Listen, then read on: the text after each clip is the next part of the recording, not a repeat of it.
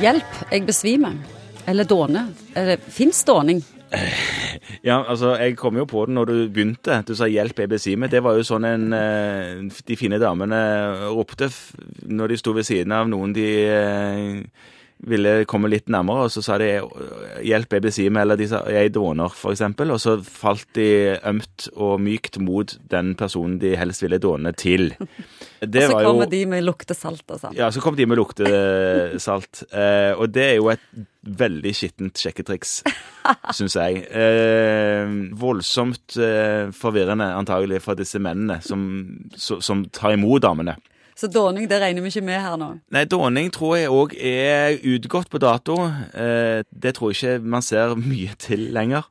Besvimelse er jo noe helt annet, og det Ja. er jo ganske dramatisk. Tap av bevissthet. Hvis noen besvimer ute i redaksjonen her, så tror jeg jeg hadde uh, Hjelp seg. Ja, hjelpe seg, ja. ja nei, da, da må en jo etter hvert i alle fall prøve å finne hvorfor vedkommende besvimte. Men en besvimelse i seg sjøl er jo ikke er, er jo, som du sier, tap av bevissthet. At en eh, inntar eh, horisontalen brått og brutalt. Kanskje et dumt spørsmål, men hvor lenge pleier en ordinær besvimelse vare? En ordinær besvimelse. Hva skal jeg si? Svimen av når en eh, skal ta blodprøve, f.eks. Det er jo en del, spesielt menn, som gjør.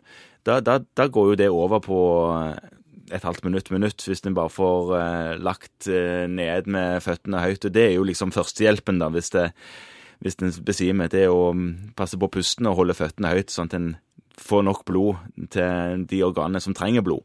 Så det tar kort tid. Altså, det er ganske mange som har opplevd å besvime.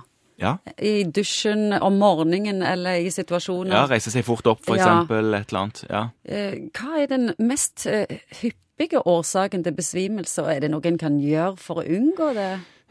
De, eh, ofte kvinnene som har problemer med at de svimler litt hvis de reiser seg fort opp, de, de går ofte rundt med et litt lavt blodtrykk, kanskje, sånn at de, de har ikke så mye å gå på. Fra liggende stilling og opp til stående. En av tingene de kan gjøre, er jo å ta det litt med ro fra liggende til stående. At de tar en mellom, eh, mellomstasjon i sittende stilling på sengekanten eller på sofakanten før de reiser seg opp. En annen ting kan jo, kan jo være at en drikker nok. Eh, Og kanskje spise litt mer salt for å prøve å få opp blodtrykket bitte lite grann. En annen måte å unngå besvimelser på hos eh, en mann som pleier å besvime når han skal ta blodprøver, det er jo å ligge når han skal ta blodprøver. Men når noen har besvimt, Ja. hvor lenge er det normalt å være bevisstløs? Altså, Når skal man bli skikkelig redde? Når skal man ringe til akuttmottak eller sykebil? eller Av og til så våkner folk etter 10-15 sekunder, og så plutselig kan det gå tid.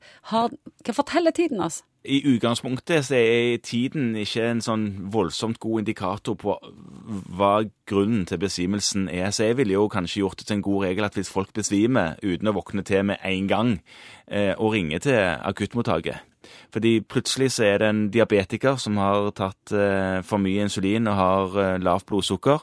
Eller så er det en som får hjerteinfarkt. Eller så er det en eh, som har en eller annen sjokktilstand som gjør at eh, de plutselig faller om. Så her er det mange mange årsaker og, og, og mange forskjellige symptom som, som jeg tror du trenger hjelp av en eller annen på akuttmottaket til til å sortere i. Men uh, akutt førstehjelp, det er Akutt førstehjelp er å passe på at de uh, får puste. Og, og hvis det er en som du vet har en uh, tilbøyelighet til å svime av av og til, så er det å holde føttene høyt for å samle blodet ned i kroppen på personen.